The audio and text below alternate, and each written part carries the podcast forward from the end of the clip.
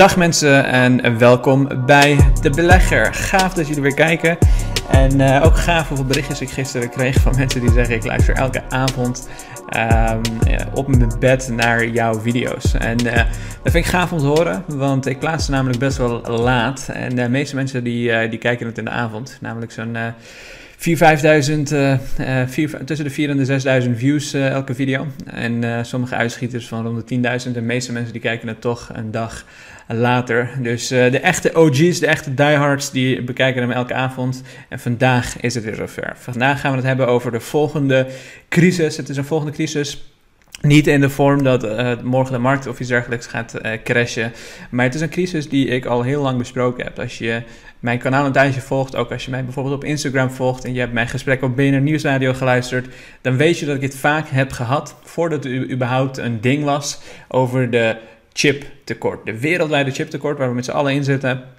En die zorgt voor een crisis. Sterker nog, CNN die noemt het ook daadwerkelijk een, crisis uh, op dit moment. En Biden die heeft dus officieel is hij naar het congres gegaan en gevraagd of we er zo snel mogelijk iets aan kunnen doen. Of we zoveel mogelijk geld en tijd en moeite vrij kunnen maken. En het voor bedrijven in de VS makkelijker te kunnen maken om meer chips te gaan produceren. Als je leest wat hier allemaal staat, het is echt ongelooflijk. Um, ze hadden verwacht namelijk dat de chiptekort niet al te lang zou duren, dat het ergens mid dit jaar, niet mid dit jaar, maar ergens eind dit jaar zou gaan verbeteren. Maar vandaag heeft I, Apple ehm, heeft laten weten dat ze 10, of ze hadden al laten weten dat ze 10 miljoen minder chips zouden gaan maken door de wereldwijde chiptekort. Of ik moet zeggen 10 miljoen minder iPhone, iPhones. En nu zeggen ze dus ook dat ze veel minder dan dat gaan maken. Waarschijnlijk stukken, stukken minder. Dus dat is één, een probleem voor Apple. Maar twee, ook, uh, laat ook zien wat voor een probleem we hebben met de wereldwijde chiptekort. Want die chiptekort die zorgt er natuurlijk ook voor dat uh, inflatie omhoog gaat. Die zorgt ervoor dat heel veel producten die wij gewoon heel gewoon vinden, zoals je wasmachine, zoals je magnetron, zoals je auto, zoals je monitor, zoals je camera's, zoals je telefoon, letterlijk alles wat technologie uh, in je huis is, die hebben gewoon vaak zelfs meerdere verschillende chips nodig. Een auto heeft bijvoorbeeld 3000 verschillende chips nodig. En al die producten worden dus simpelweg of te duur, of uh, er worden gewoon niet genoeg gemaakt, waardoor je niet aan de vraag kan voldoen. Dus één, omdat uh, uh, veel chipfabrikanten die positie hebben om die prijzen te verhogen, zullen ze dat doen. En twee, simpelweg tekort aan die chips zorgt ervoor dat er te weinig bijvoorbeeld wasmachines worden gemaakt. En als de vraag naar wasmachines hoog is en blijft, dan krijg je vanzelf hogere prijzen. Want consumenten die zeggen, geef me, geef me maar een wasmachine, ik betaal er twee keer zoveel voor, bij wijze van spreken. Niet twee keer natuurlijk heel veel, maar je snapt wat ik bedoel. En dat kan er serieus voor zorgen dat er best wel wat uh, zou wordt veroorzaakt. Als je kijkt naar de uh, vandaag, of mijn portefeuille specifiek is, staat ongeveer 3000 in de plus. Um, de S&P staat anderhalf procent in de plus. Ik heb vandaag nog even een transactie gedaan. Maar als je kijkt naar de AEX, dan zie je BC, ASML, ASMI, de grote chipbedrijven eigenlijk een enorme klap krijgen. Echt een hele dikke, vette klap krijgen. ASML is trouwens uh, um, veel meer qua marketkapitalisatie waard dan Intel in, in, inmiddels. Dus dat is best wel een interessant, uh, interessant gegeven. Maar die chipbedrijven die krijgen dus ook daadwerkelijk in Nederland een enorme klap. In de VS valt het nog mee, maar in Nederland krijgen ze echt een hele grote klap, omdat het ook die chipbedrijven natuurlijk raakt. Ten eerste zijn die waarderingen gewoon simpelweg torenhoog. Maar aan de andere kant zijn dat ook bedrijven die gewoon chips leveren aan bijvoorbeeld fabrikanten zoals een Apple. En als zij niet de chips kunnen leveren waar uh, daarna kan Apple aan de vraag voldoen van de consument om bijvoorbeeld 100 miljoen iPhones dit jaar te maken, dan missen zij ook gewoon die omzet. En je kan de prijs zo, zo hoog gooien als je wilt. Uh, je mist gewoon omzet als je niet snel genoeg kan voldoen aan de vraag van de consument. En dat is ook een probleem voor die bedrijven. En blijkbaar gaat dat probleem nog eventjes duren. It is highly disruptive and unlikely to go away until deep into 2022. Dus ver in 2022 zal dit waarschijnlijk nog blijven, zeggen mensen. And hopefully by this time next year, or maybe a little before, the short-term crunch will be better. Dus een serieus issue die waarschijnlijk heel lang gaat duren. En het grappige is, ze zeggen dus, het wordt waarschijnlijk veel, veel erger dan dat, dan dat we denken. And that's why Biden, the Biden administration is championing the Chips for America Act, a 52 billion dollar bill that would encourage domestic semiconductor production and research. Dus ze willen 52 miljard gaan uitgeven aan um, uh, het kunnen produceren en research and development van chips binnen de VS. Intel, um, Micron Technologies, al dat soort bedrijven, die hebben al, uh, ook Taiwan Semiconductor Company, die hebben allemaal al honderden miljarden uh, gecommit, of in ieder geval um, gezegd dat ze heel, dat soort bedragen gaan investeren in het bouwen van fabrieken, het bouwen van allerlei um, manieren om aan die chips te kunnen komen. Maar dat zijn wel echt lange termijn zaken. Je hebt niet in een dag of in een jaar überhaupt een, een, een kant-en-klaar fabriek gebouwd die dan een jaar later vol, uh, volop opereert. Nee, het duurt waarschijnlijk twee, drie jaar voordat je op volle capaciteit zit in al die verschillende fabrieken.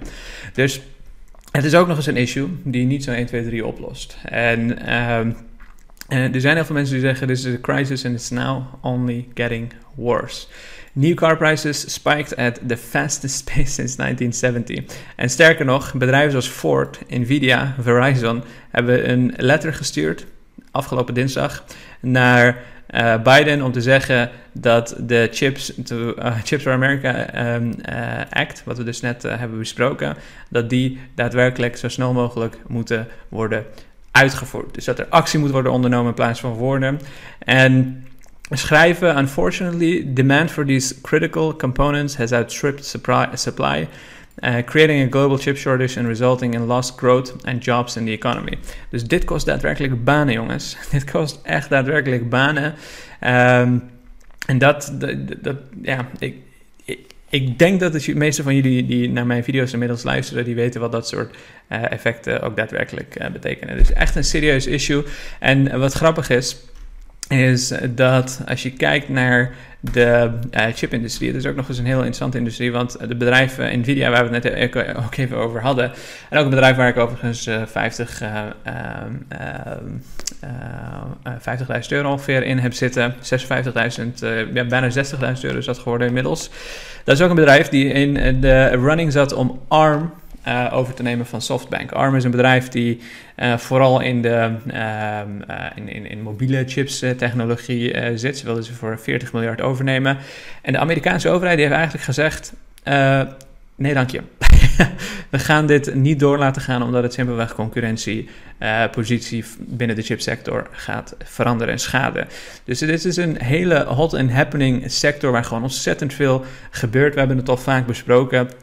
Uh, check mijn vorige video dat ik heb gemaakt over deze sector, waar ik precies uitleg welke fabrikanten er zijn, welke soort designers er zijn, wat voor dingen je kunt verwachten van deze industrie. Als je nog niet bekend bent met de chipindustrie, een hele interessante video voor je om terug te kijken. Ik zal hem hier beneden ook voor je linken in de comments. Dus lees of uh, bekijk hem als je het uh, nog niet gezien hebt. Maar daar leg ik meer uit over hoe die, hoe die industrie in elkaar zit. Maar uh, Nvidia die gaat dus die acquisitie waarschijnlijk niet uh, doen. 40 miljard uh, die ze eigenlijk hadden willen investeren daarin, die komt dus eigenlijk weer gewoon vrij voor Nvidia om te kunnen gebruiken. En het aandeel reageert daar nauwelijks op. Die doet nauwelijks wat. Volgens mij stond het letterlijk een procent in de plus zelfs. um, maar de reden dat ze dat willen doen is. Um, even kijken, waar stond dat ook alweer?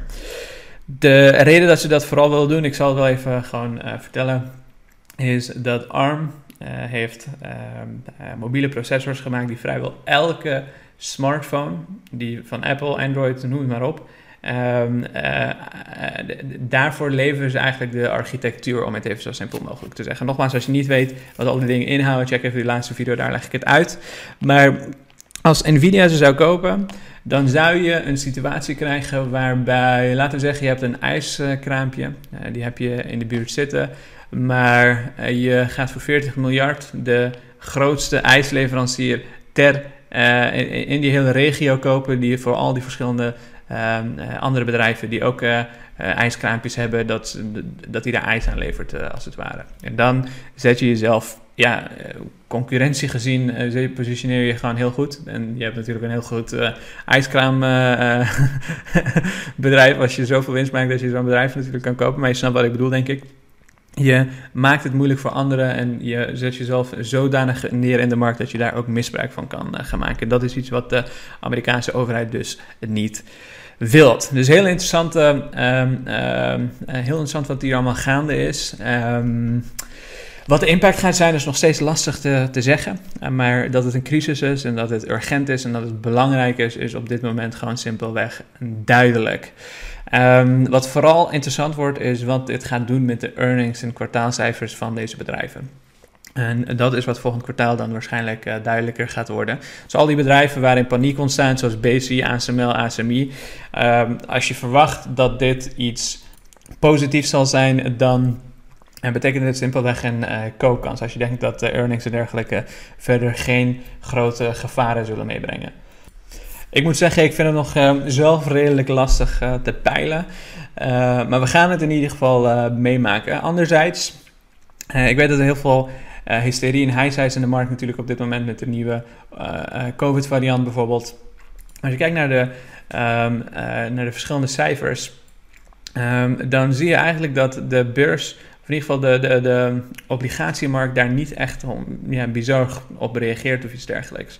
Rentestanden die blijven eigenlijk gelijk, die dalen zelfs lichtjes. Je ziet het hier van 1,6 naar 1,4 gaan.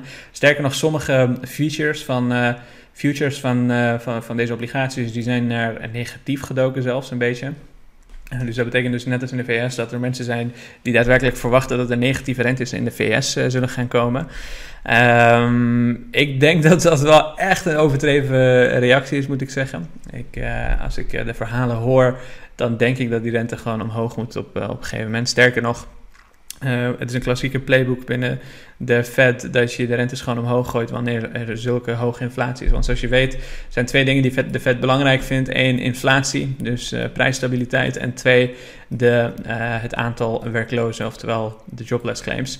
En de jobless claims die vielen wel wat tegen, maar op zich vielen ze prima mee. Uh, ze waren iets minder dan, uh, ja, dan verwacht, laat ik het zo zeggen. Of iets meer dan verwacht, moet ik eigenlijk zeggen. Dus ietsjes uh, gestegen.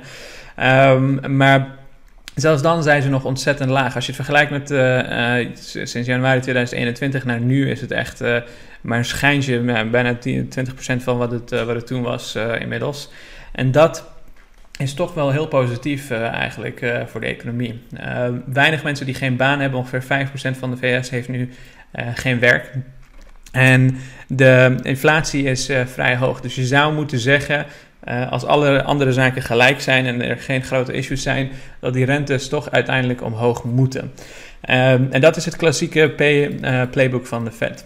als ze dat niet zouden doen als ze naar beneden zouden gaan, dan moet er daadwerkelijk iets uh, aan de hand zijn. Ik weet dat er heel veel mensen zijn overigens die zeggen, ja, zijn heel kritisch op de vet. Die vinden dat uh, leuk om een beetje de, de, de vet te pesten. um, die gewoon dagelijks uh, ja, aan het vertellen zijn dat ze als een kat in de nauw zitten en dat ze geen weg meer omhoog hebben.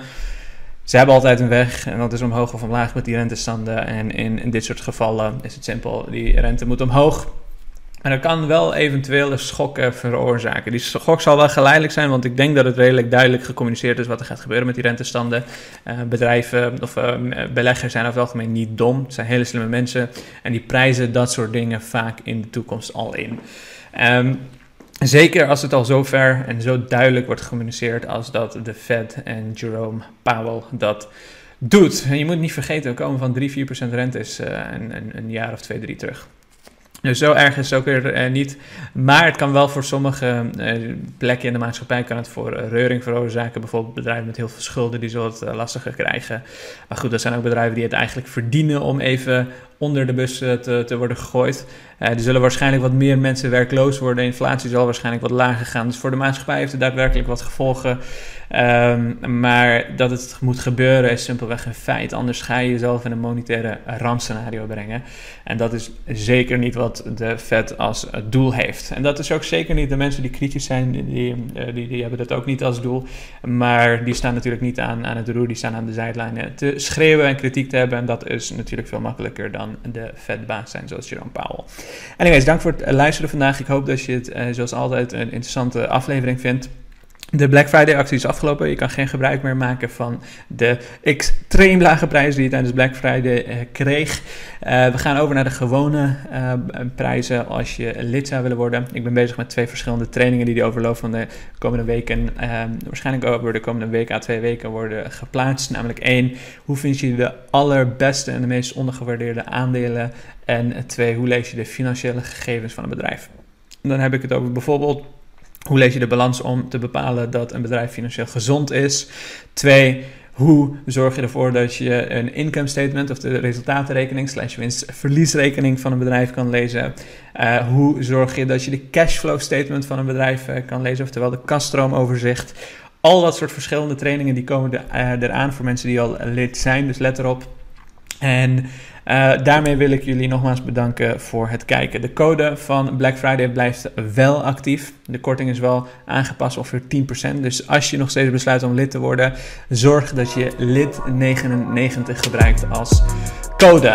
Fijne avond, fijne dag en tot ziens.